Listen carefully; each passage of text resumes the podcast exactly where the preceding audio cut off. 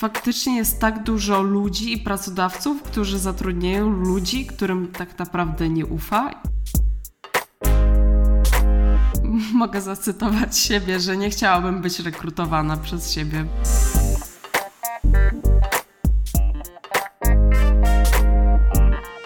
Cześć wszystkim. Nazywam się Krzysztof Miotki. Wraz z Szymonem Trzeplą prowadzimy podcast UX po godzinach. W UX po godzinach rozmawiamy z ekspertami branży User Experience, a każdy sezon dedykujemy innemu zagadnieniu. Tym razem, z powodu zaistniałej na świecie sytuacji, nagrywamy specjalną serię, w której opowiadamy o tym, jak odnaleźć się w zdalnym świecie UX. W dzisiejszym odcinku porozmawiamy o tym, jak efektywnie pracować zdalnie. O tym, jak podejść do pracy zdalnej, jak sprawnie się komunikować i jak nie zapomnieć o tym, że dom to również miejsce do odpoczynku, opowie Marta Stachecka.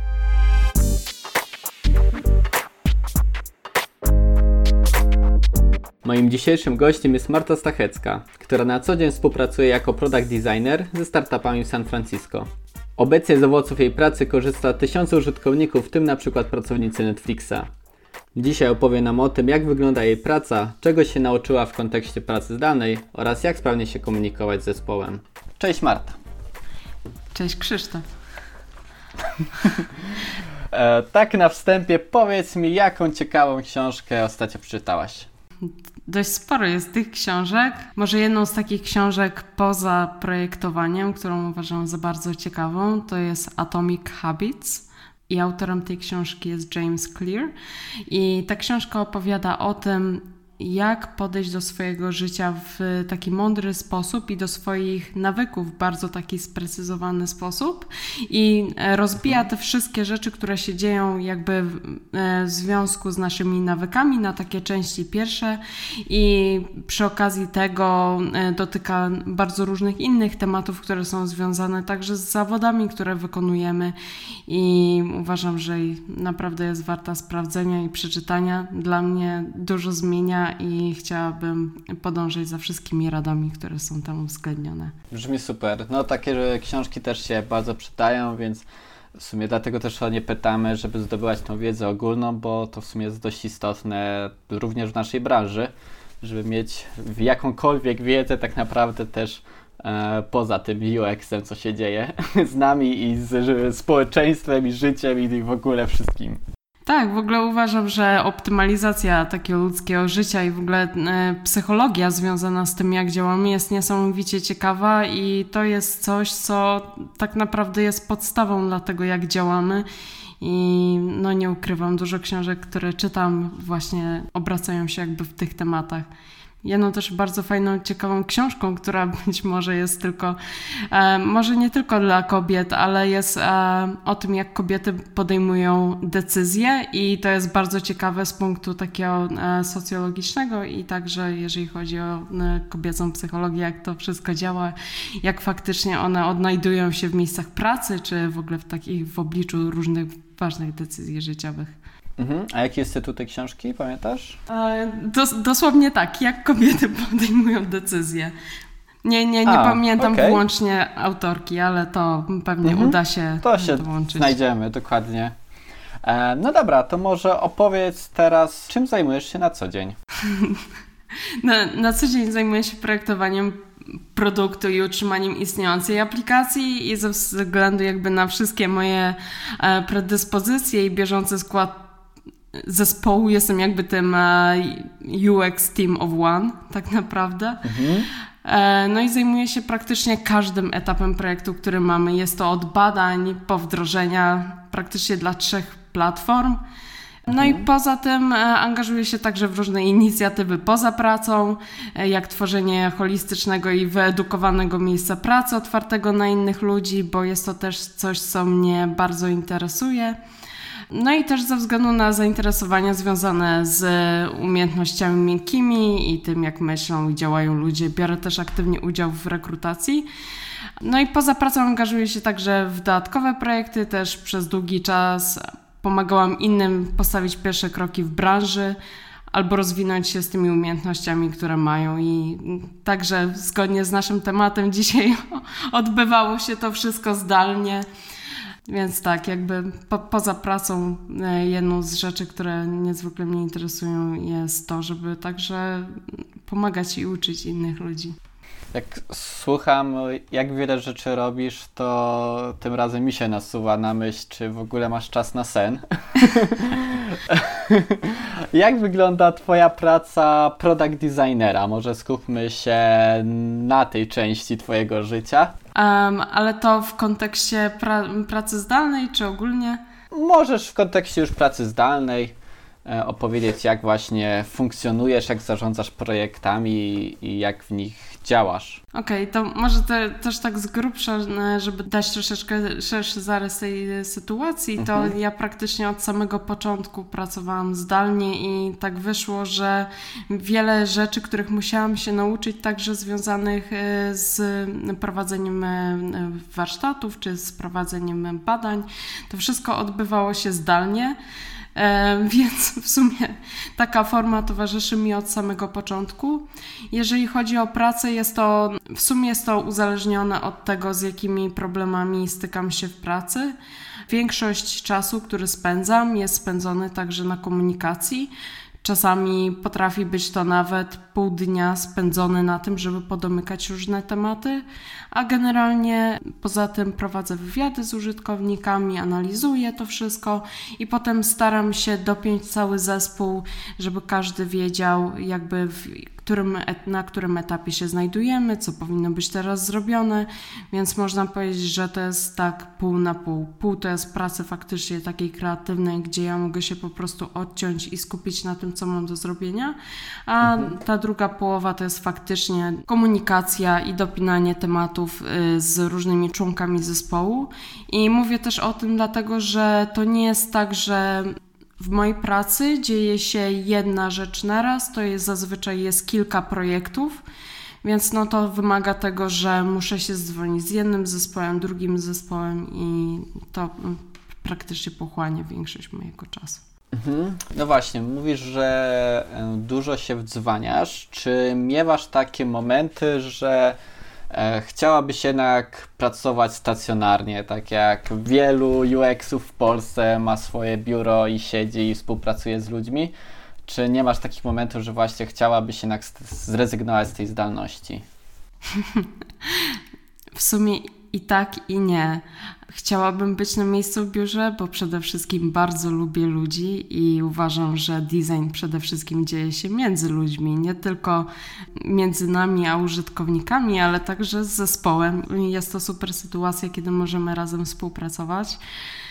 Yy, I ma to wiele swoich walorów, na przykład to, że możemy podejść do kogoś i dosłownie zapytać się na kilka minut o to, jak działać, co zrobić, co o tym sądzisz ja pracuję, w, w sensie mój klient obecnie pracuje w zupełnie innej strefie czasowej i mhm. jakby cały zespół pracuje w San Francisco, więc to oznacza dla mnie, że jest 9 godzin różnicy i mimo technologii nie zawsze mogę kogoś, że tak powiem, poklepać po ramieniu i zapytać się o zdanie.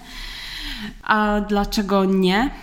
Uważam, że w organizacji, która rozrasta się, która skaluje, jest, jest to dużym problemem, żeby poświęcać faktycznie odpowiednią ilość czasu na wykonanie pracy, która faktycznie coś zmieni.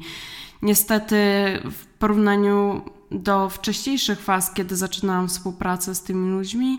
Teraz się to znacznie zmieniło i tak jak mówię, praktycznie połowa mojego czasu, kiedy jestem w stanie się z nimi skontaktować, jest spędzona na komunikacji i Szczerze mówiąc, chciałabym, żebym mogła czasami poświęcić więcej czasu, żeby wykonać rzeczy, które faktycznie mogą coś zrobić. Ale znalazłam mhm. pewne rozwiązanie z zespołem i wygląda ono w ten sposób, że ja raz na kwartał lecę do zespołu, do San Francisco i zostaję tam na dwa tygodnie i praktycznie cały ten czas jest y, skupiony na tym, żebyśmy się spotkali, nie tylko z ludźmi, którzy są w zespole deweloperskim, ale także z użytkownikami, także ze stakeholderami i wtedy poświęcamy na maksa ten czas, żeby porozmawiać, omówić pewne rzeczy, które są, które naprawdę mogą coś zmienić w projekcie. No i potem już jak wracam do Polski, to staram się skupić na projektowaniu i faktycznie dostarczaniu tych rzeczy, które jestem w stanie zrobić sama. No właśnie, powiedziałaś, że dużo się komunikujesz. jakby nie patrzeć, no to jest duża część w ogóle pracy UX-a i pracy w ogóle w zespole. A jak radzisz sobie, jakich programów używasz do tego, żeby właśnie ta komunikacja była dobra, żeby nie było gdzieś tam niedopowiedzeń, niezrozumiałości? W jaki sposób sobie radzisz z tym wraz z zespołem?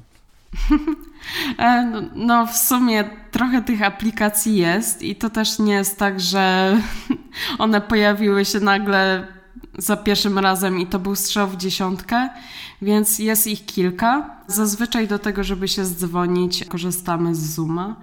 E, jest, mhm. jest bardzo stabilny i pozwala też na nagrywanie różnych rozmów, więc czasami jest tak, że jeżeli mamy zgodę od użytkownika albo na przykład od innej osoby, która mówi do, o dość istotnych rzeczach związanych z projektem, to pytamy się o nagranie i nagrywamy takie rzeczy, żebym ja też mogła usłyszeć pewne rzeczy.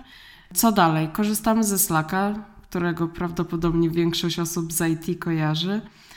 Kolejną rzeczą, teraz także w związku z koronawirusem pojawiła nam mhm. się taka kolejna apka, która ułatwia troszeczkę zdzwanianie się i nazwa tej apki to Tandem.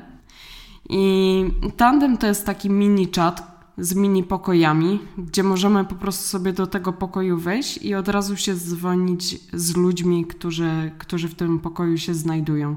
Czyli to są powiedzmy takie rozmowy przy poidełku, albo takie szumy na zasadzie, że próbujemy zasymulować to, że siedzimy w jednym pokoju i przez te takie szumy, że ktoś pisze coś na klawiaturze albo porusza mhm. myszką, to mamy wrażenie, że nie, nie siedzimy sami. I ja przez pewien czas myślałam, że to jest zbędny taki dystraktor w naszym życiu i w naszej pracy, ale zauważyłam, że jednak to jest ważne i szczególnie dla osób, które przyzwyczaiły się do pracy w biurze, no to jest mhm. coś, co jednak troszeczkę zmienia.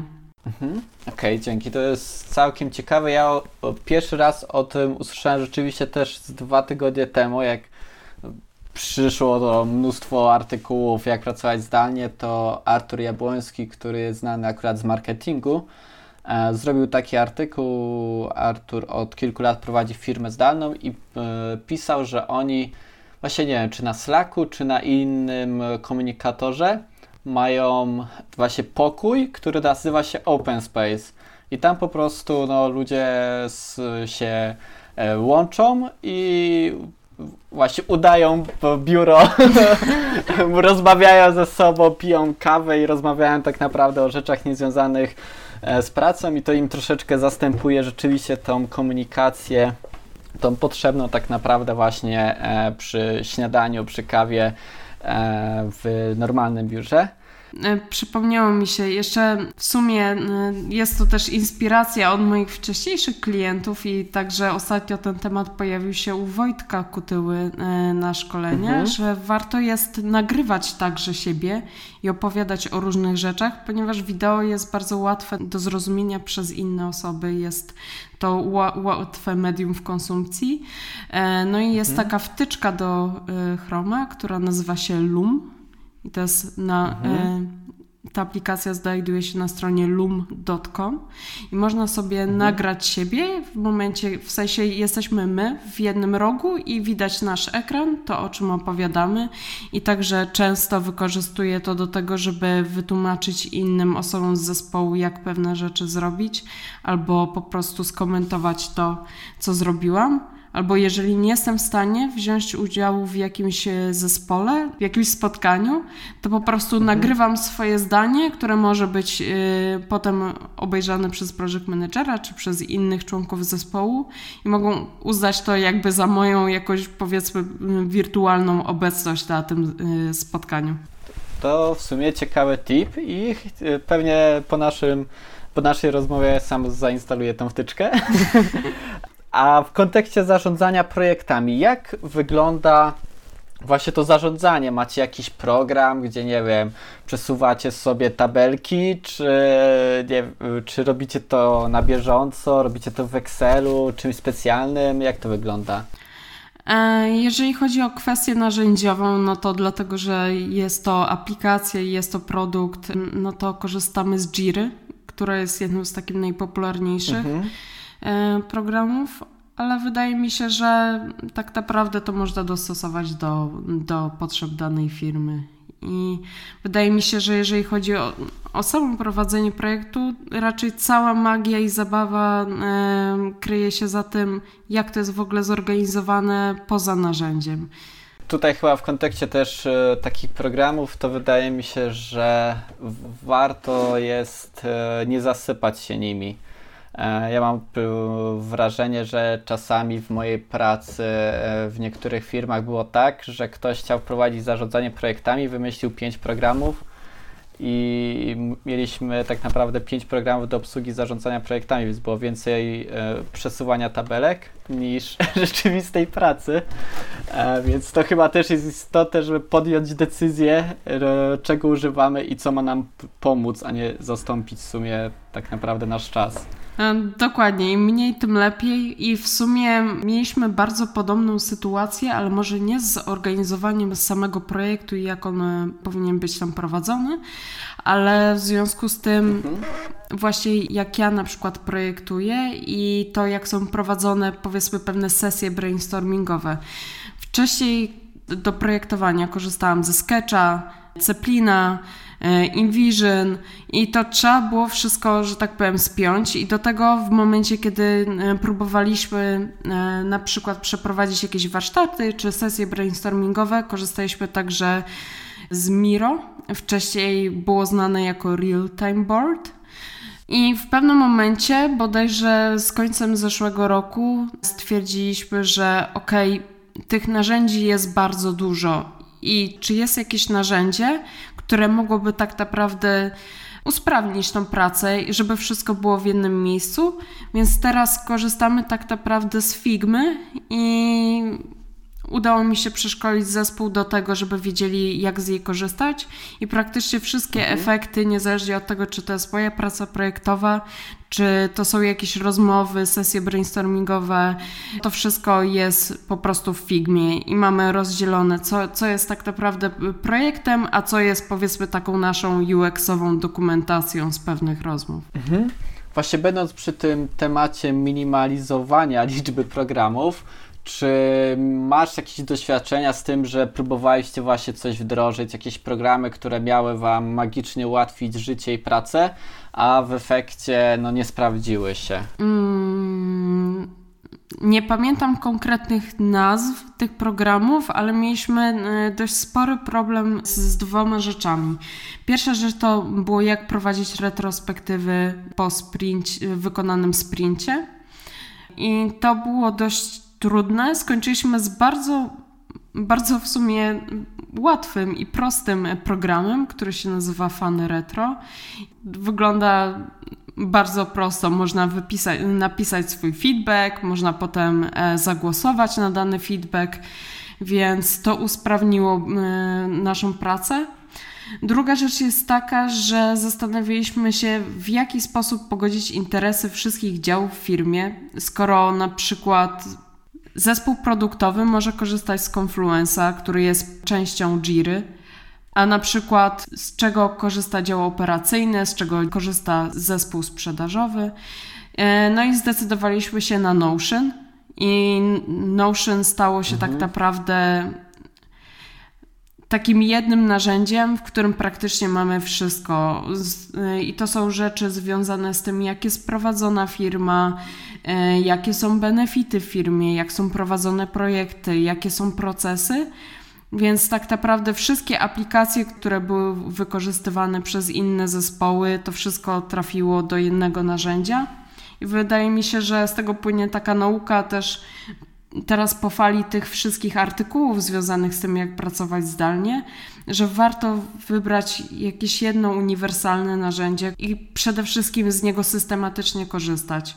Bo jeżeli nie będziemy tego robić, to żadne narzędzie tak naprawdę nie, nie zadziała.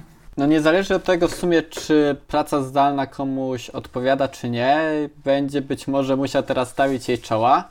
A czy byłabyś w stanie dać jakieś wskazówki, jak właśnie do tego podejść?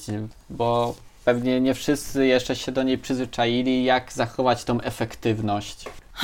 No to w sumie jest kilka rzeczy z tym związanych i dla każdego działa też to inaczej, ale wydaje mi się, że przede wszystkim jakakolwiek struktura w ciągu dnia, gdzie oddzielamy ten czas, kiedy pracujemy i ten czas, kiedy nie pracujemy i zajmujemy się czymkolwiek innym, czy to są obowiązki domowe, to powinno być ulokowane w pewnym czasie są też różne podejścia, na przykład ja bardzo lubię, w sensie służy mi i sądzę, że może służyć też innym osobom, to, że faktycznie przygotują się do pracy tak, jakby faktycznie gdzieś wychodzili, czyli ubiorą się normalnie, przygotują się. Też zauważyłam, że często działa to, że nawet przejdziemy się gdzieś na zewnątrz, dosłownie na chwilę, na kilka minut na spacer i wrócimy, bo to symuluje tak naprawdę tą naszą codzienną rutynę, że gdzieś wychodzimy. Co jeszcze? Ja na przykład lubię też korzystać z kalendarza i na przykład blokować sobie ten czas pracy i nie cały czas pracy, czyli na przykład o, pracuję przez 8 godzin, od 8 do 16, ale faktycznie, żeby zaplanować mhm. sobie, kiedy wykonamy dane zadania i żeby skupić się faktycznie, żeby jeżeli zaplanuję sobie, że przez pół godziny, godzinę czy półtorej godziny mam yy, na wykonanie danego zadania, to znacznie łatwiej jest, że tak powiem, spiąć się i to zadanie wykonać. Sądzę, że to, czego może brakować osobom, które nie pracują obecnie w biurze, jest to, że jeżeli pracujemy z innymi ludźmi, to oni, te osoby, stają się motywacją dla nas do działania. I one tak naprawdę trzymają nas w ryzach. Ej, zrobiłeś coś i tak dalej.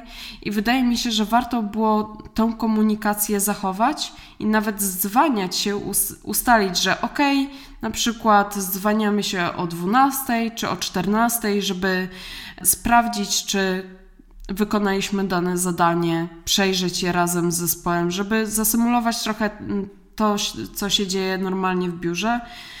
Bo na mhm. przykład dla mnie to, to był duży problem, kiedy musiałam, y, kiedy zaczęłam pracować zdalnie i brakowało mi tego, że ktoś nie pytał się mnie o pewne rzeczy, że tak naprawdę ja nie musiałam się bezpośrednio z kimś rozliczać co godzinę, co dwie godziny i tak dalej, jak to normalnie się dzieje. Mhm. Więc sądzę, że to może, to może pomóc. No i na pewno też to, żeby zadbać o to, co się dzieje bezpośrednio poza pracą, czyli żebyśmy mieli ten czas, żeby faktycznie odpocząć, żeby faktycznie skupić się na czymś innym, bo mam wrażenie, że część osób może poczuć się zobligowana, że jeżeli teraz pracują zdalnie i to jest rzecz, która jest niewygodna do, dla pracodawcy, mogą poczuć się zobowiązani do robienia wielu nadgodzin, nie zawsze potrzebnych. I sądzę, że warto jest o to zadbać i znaleźć czas na to, żeby faktycznie może przewietrzyć się, może, nie wiem, ugotować zdrowy i smaczny obiad, tylko, tylko po to, żeby faktycznie ten nasz balans, który normalnie mamy, był także zachowany. Właśnie, masz jakieś wskazówki odnośnie kończenia pracy zdalnej? To znaczy, właśnie wiele osób mówi o tym, że no, wstań, ubierz się, przygotuj, nie wiem, zrób kawę, przygotuj stanowisko pracy, ale wydaje mi się, że czasem, tak jak powiedziałaś, problemem może być nie to, jak pracujemy, jak zaczynamy pracę, tylko kiedy ją kończymy, że to ta praca staje się naszym życiem takim domowym troszeczkę. I czy masz jakieś takie tipy, jak właśnie zakończyć, tak nie wiem, powiedzieć do swojego mózgu, ej, jesteś już w domu, a nie w pracy, mimo że cały dzień byłeś w domu. Um, masz jakieś wskazówki? E, no, to nie jest łatwy temat i szczerze mówiąc, ja też się z tym zmagam. Ja to nazywam, że to jest takie domykanie pętli. I w moim mhm. wypadku wygląda to w ten sposób, że zaczynam dzień od tego, że spisuję sobie, co chciałabym zrobić, i kończę mhm. dzień e, i kończę jakby wątek pracy poprzez na przykład wysłanie podsumowania dnia mojemu zespołowi. I mam wrażenie, mhm. że to pozwala na to, że ja przynajmniej mam wrażenie, że okej, okay, może nie skończyłam czegoś, ale to jest stan, w którym na koniec dzisiejszego dnia wszystko zostawiam i przynajmniej mhm. wiem, że okej, okay, w takim razie następnego dnia będę musiała zacząć od tych rzeczy. Więc to jeżeli chodzi o rzeczy organizacyjne, nie każdy może sobie na to pozwolić, ale ja na przykład mam osobny pokój, który mogę, że tak powiem, poświęcić wyłącznie na swoją pracę i staram się tego trzymać, że to jest pokój, w którym jestem tylko wyłącznie, kiedy muszę wykonać swoją pracę. Jeżeli wychodzę z tego pokoju, to znaczy, że albo mam przerwę, albo ta praca jest zakończona. I mhm.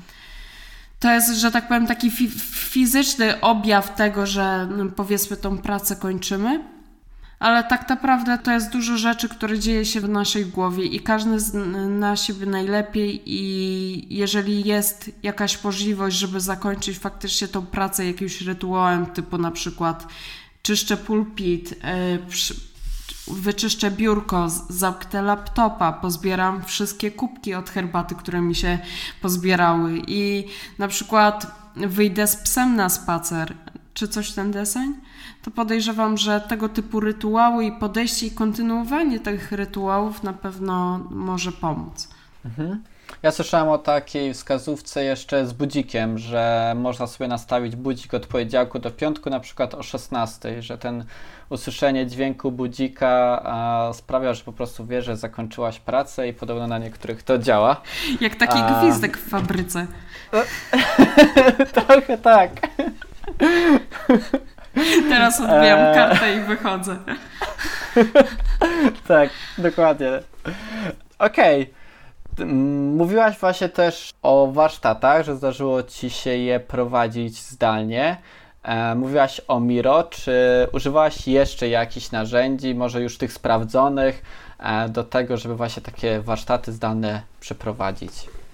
W sumie, jeżeli mam, e, jeżeli mam powiedzieć o jakimś zestawie narzędzi, no to właśnie jest to głównie Miro. Także są to Google Docs, po prostu arkusze, mhm. które są e, aplikacje do tworzenia różnych dokumentów e, z Google'a.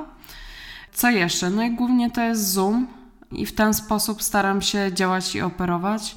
Wygląda to zazwyczaj tak, że przygotowuję, przygotowuję dokument, który jakby będzie opowiadał o tym, jaki problem chcemy rozwiązać. Nie zawsze przedstawiam od razu, jaka to będzie metoda, Raczej mhm. staram się zawrzeć, ile to może zająć i przedstawiam po prostu metodę, w jaki sposób będziemy, jakie zadanie będziemy wykonywać, już bezpośrednio na tym spotkaniu, które mamy. Mam wrażenie, że czasami ludzie są dość uprzedzeni, jak widzą, że chcę z nimi zrobić e, na przykład jakiś element z design sprintu, tak jak design studio.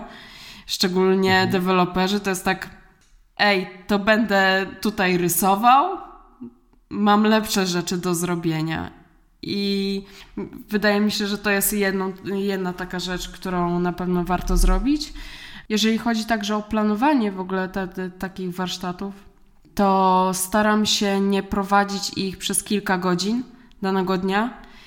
Więc powiedzmy, jeżeli są to na przykład jakieś zadania z design sprintu, z którego, z którego też często korzystam, to staram się to rozłożyć na przykład na pięć spotkań po pół godziny i z konkretnymi osobami, które powinny być uwzględnione w, w, w, danym spotkaniu. Wiadomo, nie zawsze uda mi się właściwe osoby zaprosić do tego, ponieważ no, każdy ma bardzo dużo pracy. Im jest to osoba wyżej postawiona w strukturze, tym mniej czasu ma na takie rzeczy. Więc jeżeli mogę na przykład zaplanować, że ta osoba może być chociaż na pół godziny, w jednym dniu, to i tak jest to dość dużo i dzięki temu w ogóle udaje się cokolwiek zrobić i cokolwiek przeprowadzić w tej formie zdalnej. To mam jeszcze pytanie właśnie o ten kontekst e, planowania. Mianowicie, czy um, zauważyłaś, że to planowanie warsztatów zdalnych zajmuje więcej czasu? Nie wiem, trzeba przygotować więcej tablic, więcej narzędzi. Czy masz takie odczucia? W sensie na początku sprawiało mi to więcej problemu, żeby przygotować się. Mhm. Teraz jest to znacznie łatwiejsze, bo staram się też przygotować sobie od razu jakieś szablony, e, z których mogę skorzystać, więc tak jak wspomniałam, też staram się w tym momencie przeprowadzać warsztaty w Figmie, e, jeżeli mogę. Mhm. E, więc przygotowuję sobie od razu ilość powiedzmy takich wirtualnych postitów e, czy mhm. struktury, jakieś tabelki, które są od razu do uzupełnienia.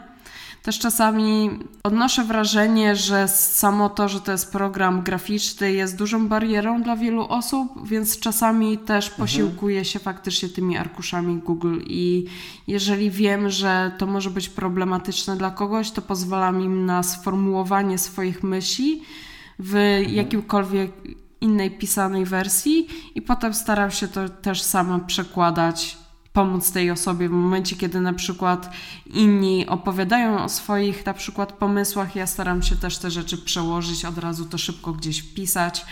E, czy nawet jeżeli powiedzmy dochodzi do jakiegoś głosowania nad pomysłami i faktycznie padnie jakiś pomysł osoby, która wypełniła te powiedzmy swoje pomysły w innym arkuszu, to staram się przekleić tylko na przykład ten jeden pomysł, który faktycznie przeszedł i no tak naprawdę trzeba być bardzo elastycznym w związku z tym i tak staram sobie radzić. Kiedy zdarzają Ci się te takie dłuższe warsztaty niż półgodzinne, to miewasz problemy z motywacją uczestników do tego, żeby byli efektywni, byli e, tak naprawdę czynnie zaangażowani, a nie tylko biernie swoją obecnością. E, jak podtrzymujesz tą motywację? O, no to jest jedna z najcięższych rzeczy, bo z, przez to, że to dzieje się na komputerze, bardzo łatwo jest zajrzeć do Slacka, bardzo łatwo jest być e, rozproszonym przez jakąkolwiek notyfikację. No i niestety to jest dość spory problem, więc staram się prosić uczestników o to, żeby odłożyli telefon i żeby postarali się włączyć także Slacka wyłącznie na ten czas i dlatego staram się też właśnie skracać i zrobić te sesje dosłownie do pół godziny albo do godziny, żeby ci ludzie nawet y, żeby to było na tyle wystarczający czas, żeby oni nie potrzebowali nawet sięgać po to, więc y, więc staram się to tak rozwiązać. Wiadomo, że to nie jest stuprocentowo najlepsze rozwiązanie, ale no, na, na lepsze rozwiązanie na razie nie wpadłam.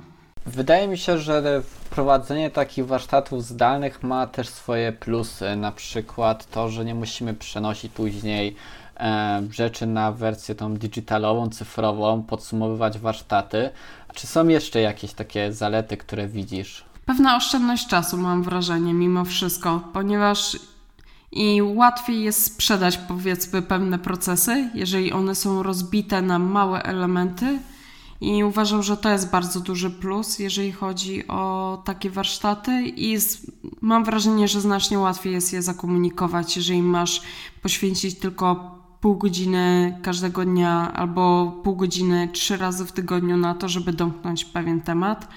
I to jest wystarczająco krótki czas na to, żeby faktycznie ludzie chcieli się w ogóle podjąć czegoś takiego. I co ciekawe, mam wrażenie, że potem po tych spotkaniach ludzie też bardzo optymistycznie podchodzą do, w ogóle do tego typu procesów i po pewnym czasie czują się zachęceni i nawet jak widzą te 30 minut, które się tam pojawiają gdzieś e, z moim udziałem, to mam wrażenie, że idzie to coraz łatwiej. Mhm. E, z takich minusów to jest to, że mam wrażenie, że czasami o, taka ewangelizacja designu i sprzedawanie w ogóle takich procesów to także jest bardzo osobisty element w sumie i mam wrażenie, że czasami to, że jesteśmy zdalnie, nie zawsze daje ten efekt mimo mhm. najszczerszych chęci. Zauważam, że nie dla wszystkich, ale dla części osób jest to znacznie łatwiejsza forma i doceniają oni pewną dozę profesjonalizmu, kiedy jesteś e, na miejscu, kiedy możesz faktycznie na żywo pogadać z nimi, podziałać, poruszać się, coś poprzyklejać. Więc mhm. nie sprawdzi się to w każdym przypadku, ale uważam, że, że da się. Mhm. No właśnie, powiedziałaś, że nie spra- może się nie sprawdzić w niektórych przypadkach. Czy zaobserwowałaś, zauważyłaś, doświadczyłaś może jakiś typ warsztatów, który nie warto próbować robić zdalnie? Nie wiem, jakiś etap procesu, gdzie jednak ta praca zdalna nie ma sensu i na przykład wybierasz wtedy warsztaty podczas tych dwóch e, tygodni w USA? Kurczę, no to jest ciężkie pytanie, bo jeżeli jest jakiś etap, który opiera się może nie na generowaniu jakichś pomysłów, ale dotyczy tego, w jaki sposób jest wykonywane zadanie, mhm. to to sprawia największy problem. I mam wrażenie, że jeżeli ktoś ma przedstawić swój pomysł, narysować go, no, powiedzmy na przykład dla deweloperów mam wrażenie, że kwestia na przykład rysowania albo samej kreatywności czasami bywa dość ciężka. W sumie nie tylko dla nich, ale po prostu są takie osoby, którym bardzo ciężko się jest odnaleźć w ogóle w takiej formie i teraz w momencie, kiedy mam te warsztaty, też staram się dobierać takie osoby do warsztatów, które po prostu nie będą czuły się źle, ale mhm. poza tym to nie, nie spotkałam się z tym, żeby jakakolwiek inna forma warsztatów spotykała się z, z jakimiś faktycznie dużymi problemami. No dobra, to może e, kończąc już temat warsztatu, spytam Cię o obecną sytuację na rynku. Jak myślisz, jak ta obecna pandemia może wpłynąć na naszą branżę? Hmm. Może tak, może nie, nie tylko na naszą branżę, bo mam wrażenie, że jeżeli chodzi o branżę IT, jeżeli chodzi o designerów i tak dalej, praca zdalna jest znacznie łatwiejsza do wdrożenia w życiu codziennym, w tym jak żyje organizacja. Mam wrażenie, że jest to problem faktycznie dla organizacji, które nie, nie miały, nie realizowały tego w taki sposób i okazuje się, że ten element przejściowy może być dość ciężki. O, ja mam wrażenie, że ta cała nasza pandemia uczy nas czegoś fajnego i mam wrażenie, że to jest troszeczkę taka szkoła życia i w sumie taka weryfikacja nie tylko tego, jak pracujemy, ale także wartości, jakie mamy w firmie. No bo jak pomyślimy sobie o tym, to taka praca zdalna e, weryfikuje to, jak transparentni jesteśmy w tym, co robimy, jak wygląda komunikacja między ludźmi. Więc tych rzeczy jest bardzo dużo i mam wrażenie, że w sumie mimo tej złej sytuacji dzieje się wiele dobrych rzeczy i także dla tych osób, które często być może cierpiały z tego powodu, że muszą być codziennie w pracy, to być może teraz jest okazja na to, żeby to faktycznie z, zweryfikować i część biznesu, bo nie wszystkie, które działały w tradycyjny sposób, nie były zdigitalizowane w żaden sposób, to być może teraz jest, jest to moment na to, że oni faktycznie mogą sprawdzić inne formy pracy, które być może przyłożą się w ogóle w super sposób na to, co będzie po całym tym wydarzeniu. I tak jak mówi się o serwis designie i tak dalej, o tym, właśnie jak możemy usprawniać w ogóle działanie pewnych firm, pewnych usług i tak dalej, to wydaje mi się, że to może być tak w sumie takie w sumie wymuszone trochę warsztaty z serwis designu w każdej organizacji i mam, mam nadzieję, że przynajmniej w większości wyjdzie to na, na dobre.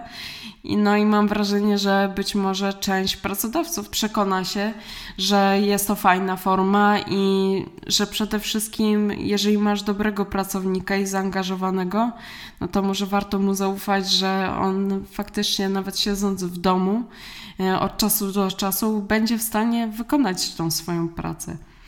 Takim ciekawym elementem też, e, który zauważyłam i w sumie taka anegdotka, nie wiem czy ktoś inny się z tym spotkał, ale ja ostatnio spotkałam się z tym, że mechanik, który był no, dość poirytowany tym, że ludzie dopytują się, wydzwaniają, jak tam z ich samochodem, no to bo przecież wiadomo, samochód traktuje się jak dziecko i tak dalej, nie? No przecież taki doinwestowany i śliczny.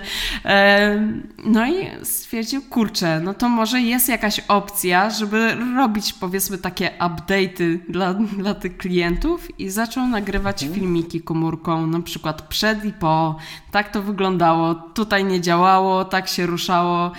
I zaczął wrzucać te filmiki na YouTube i po prostu udostępniać tym swoim klientom, tylko po to, żeby oni nie martwili się, że faktycznie, mimo tego, że jest pandemia, mimo ich nerwów i tak dalej, nie ma problemu, on tutaj dalej pracuje, oni mogą sobie zobaczyć, jak to wygląda, więc też nie muszą przyjeżdżać i, że tak powiem, widzieć się z nim na żywo. No, a poza tym też y, stwierdził, że w sumie to jest fajne w związku także z pandemią, żeby faktycznie te, zadbać o te samochody, może zdezynfekować, troszeczkę je wyczyścić i tak dalej. I okazało się, że ludzie byli zachwyceni tym, że faktycznie tu wszystko tak zadbane i, że tak powiem, to, w jaki sposób działa, jest y, teraz dopasowane do obecnej sytuacji i ludzie faktycznie zaczęli to doceniać i mam wrażenie, że tak jak mówi się o tym, że sama pandemia i koronawirus może jakby utrudnić życie wielu przedsiębiorcom, to mam wrażenie, że akurat jemu to przysporzyło więcej klientów i wpadł na znacznie więcej fajnych pomysłów na to, jak tą swoją pracę zrealizować w fajny sposób. Mhm. Myślę, że tutaj właśnie jak tak opowiadasz, to nasuwają mi się przede wszystkim dwie rzeczy. Pierwsza to takie bycie gotowość na zmiany.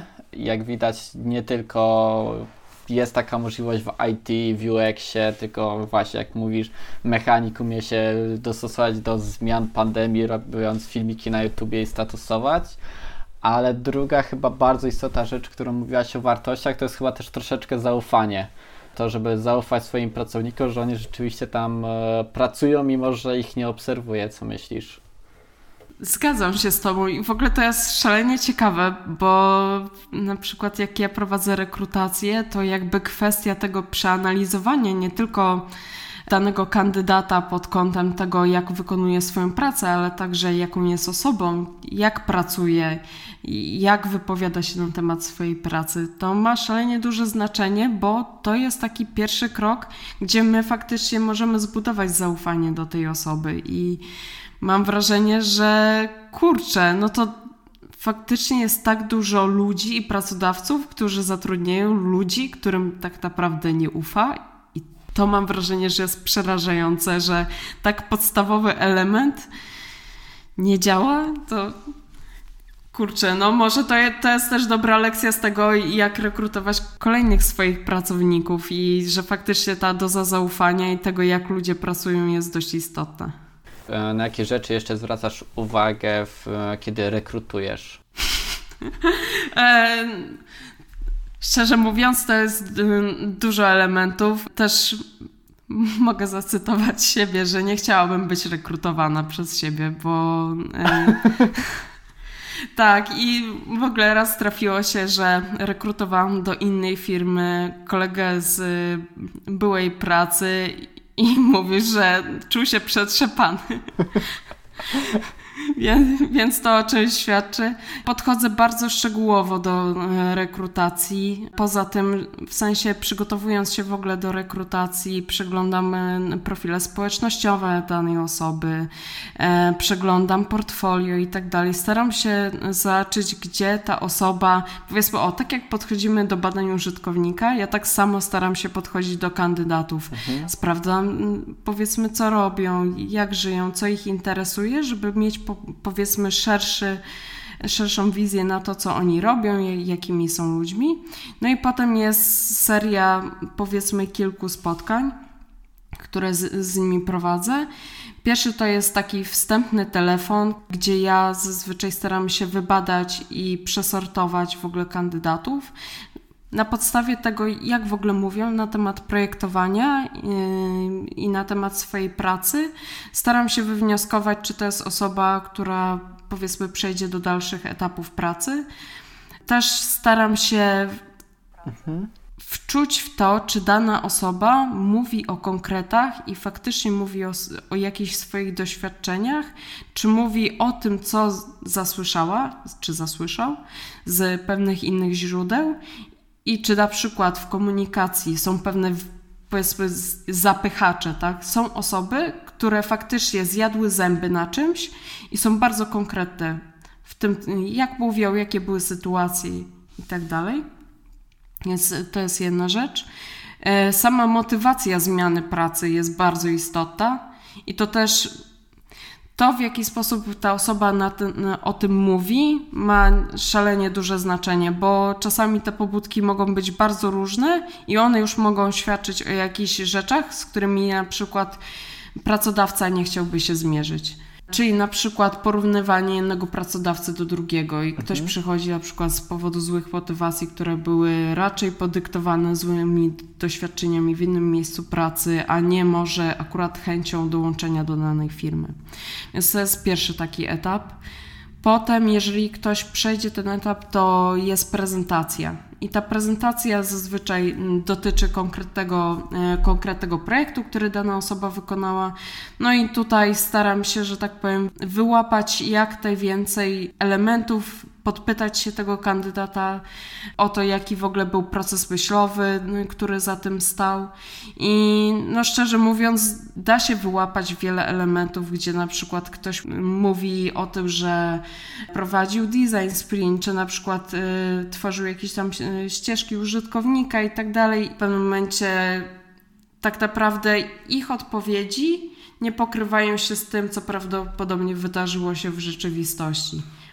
Na przykład ktoś mówił, że prowadził badania, a tak naprawdę nie miał kontaktu z użytkownikami, mhm. ponieważ jego pracodawca prowadził tak naprawdę te badania i ta osoba dostała tylko powiedzmy jakiś finalny feedback, który powiedzmy to jest jak głuchy telefon, tak?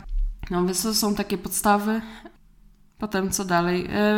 Też staramy się na przykład poza mną, staramy się, żeby kandydat spotkał się z kilkoma innymi osobami, na przykład e, z osobą, która jest specjalistą w komunikacji.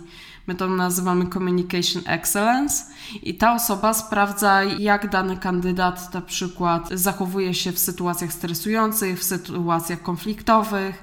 Starają się, że tak powiem, wybadać teraz, zobaczyć, czy w ogóle ta osoba miała takie sytuacje, jak z nich wybrnęła i czy to ma sens. Też często mam wrażenie, że to w Polsce jest dalej mało stosowane, być, być może się mylę, ale na przykład staramy się robić zadanie na tablicy, gdzie dajemy zadanie konkretnej osobie i pytamy się, co ona myśli na ten temat, jakby to rozwiązała na przykład, więc to jest takie rzucenie kandydata troszeczkę na głęboką wodę i sprawdzenie tak ad hoc na gorąco, w jaki sposób oni myślą, w jaki spo sposób rozwiązują pewne problemy i w ogóle co by zasugerowali w danej sytuacji.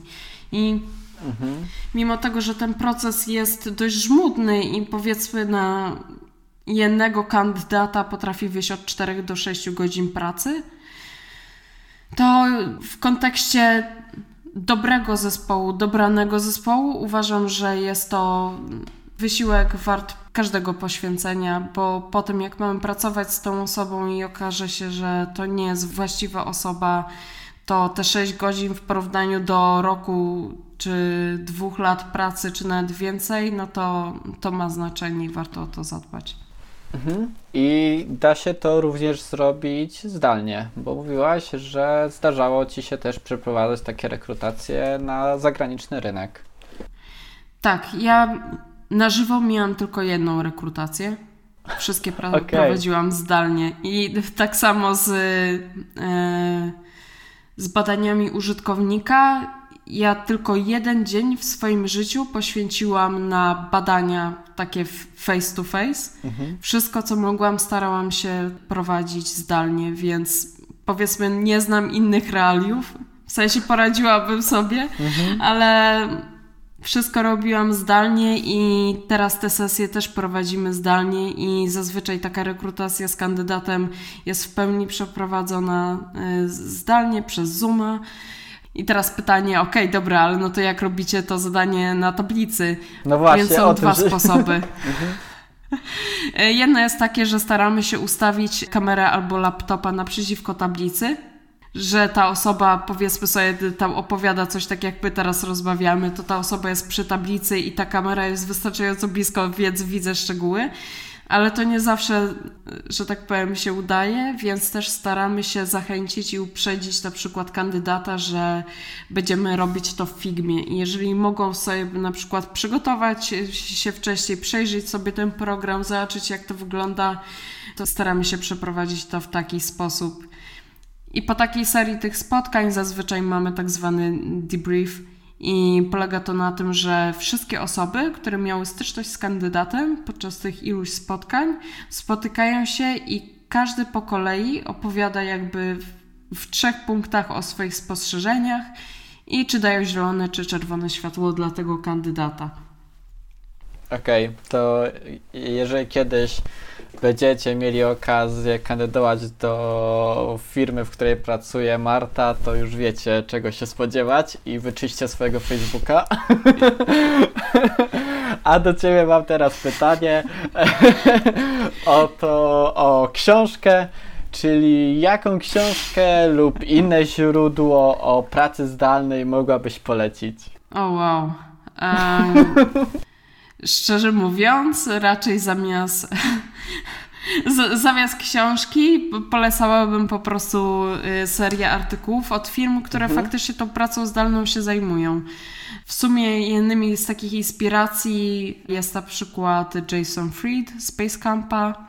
Jest to blog z InVision, gdzie często znajdują się takie porady. Co jeszcze? Teraz takich materiałów, które są naprawdę fajne i które polecałabym szczególnie w kontekście warsztatów, mhm. to jest, e, jest agencja, która zajmuje się design sprintami e, z Berlina i to jest AJ Smart and Smart. I oni z kolei wypuścili ostatnio kilka materiałów, także właśnie wywiad z Jasonem Friedem dotyczących właśnie warsztatów zdalnych. I z tego co pamiętam, jest także para designerów z Miro, którzy otworzyli swój własny kanał i oni także przygotowali serię bodajże pięciu filmików y, związanych z warsztatami. Poza tym to uważam, że każdy powinien postarać się po prostu dostosować pracę zdalną i to, w jaki sposób to wykonują, do tego, jacy oni są i jak pracują, a może niekoniecznie inspirować się naprawdę bardzo dużą ilością rzeczy, które ostatnio pojawiły się w internecie i osobiście uważam, że mogą wprowadzić bardzo dużo zamieszania i takiego złego samopoczucia, że nie, że nie możemy się tak naprawdę odnaleźć w tej sytuacji. Najlepiej wsłuchać się w siebie i zobaczyć, co dla nas działa.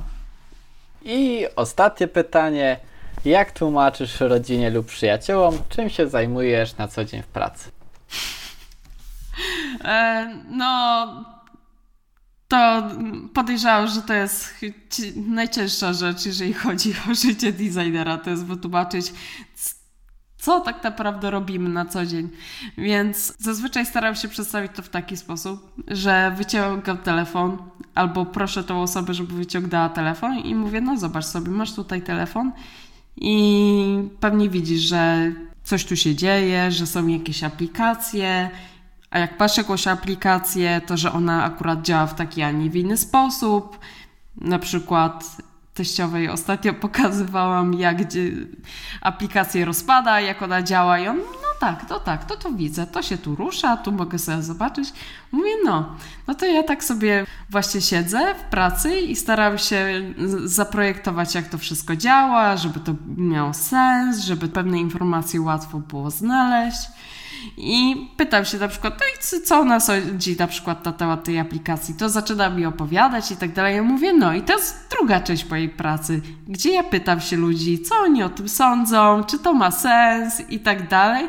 I to jest takie, aha, no, no i, niestety jedną z takich e, rzeczy, która też się pojawia, to jest to, że część osób myśli, o dobra, to ty tak sobie rysujesz tę aplikację. No i no, wtedy odechciała mi się zazwyczaj tłumaczyć to, bo no, no wszyscy wiemy, że to nie jest wyłącznie robienie kolorowych kwadracików i innych tego typu rzeczy, ale to zależy od osoby i staram się dostosować ten komunikat do osoby, której staram się to wytłumaczyć. Mhm, jasne. Dobrze, to ja chciałem Tobie bardzo serdecznie podziękować za to, że poświęciłaś e, sporo czasu i na przygotowanie się i na nasze dzisiejsze spotkanie. A naszym słuchaczom przypominam, że jeżeli w ciągu 24 godzin od publikacji tego nagrania umieścimy oczywiście post na ten temat na Facebooku, jeżeli zadacie jakieś pytanie w komentarzu, to Marta odpowie Wam na nie. Oczywiście o ile w ciągu 24 godzin to zrobicie. Zgadza się? Tak. tak, no to macie deklarację, sami słyszeliście, więc korzystajcie z tego. I ja bym na waszym miejscu spytał jeszcze o tą rekrutację, jeżeli kiedyś wam się zdarzy jednak da trafić na Martę, to, to lepiej być gotowym. Dzie Dzięki wielkie o, za tak, posłuchanie tak, i do usłyszenia. Super, dzięki.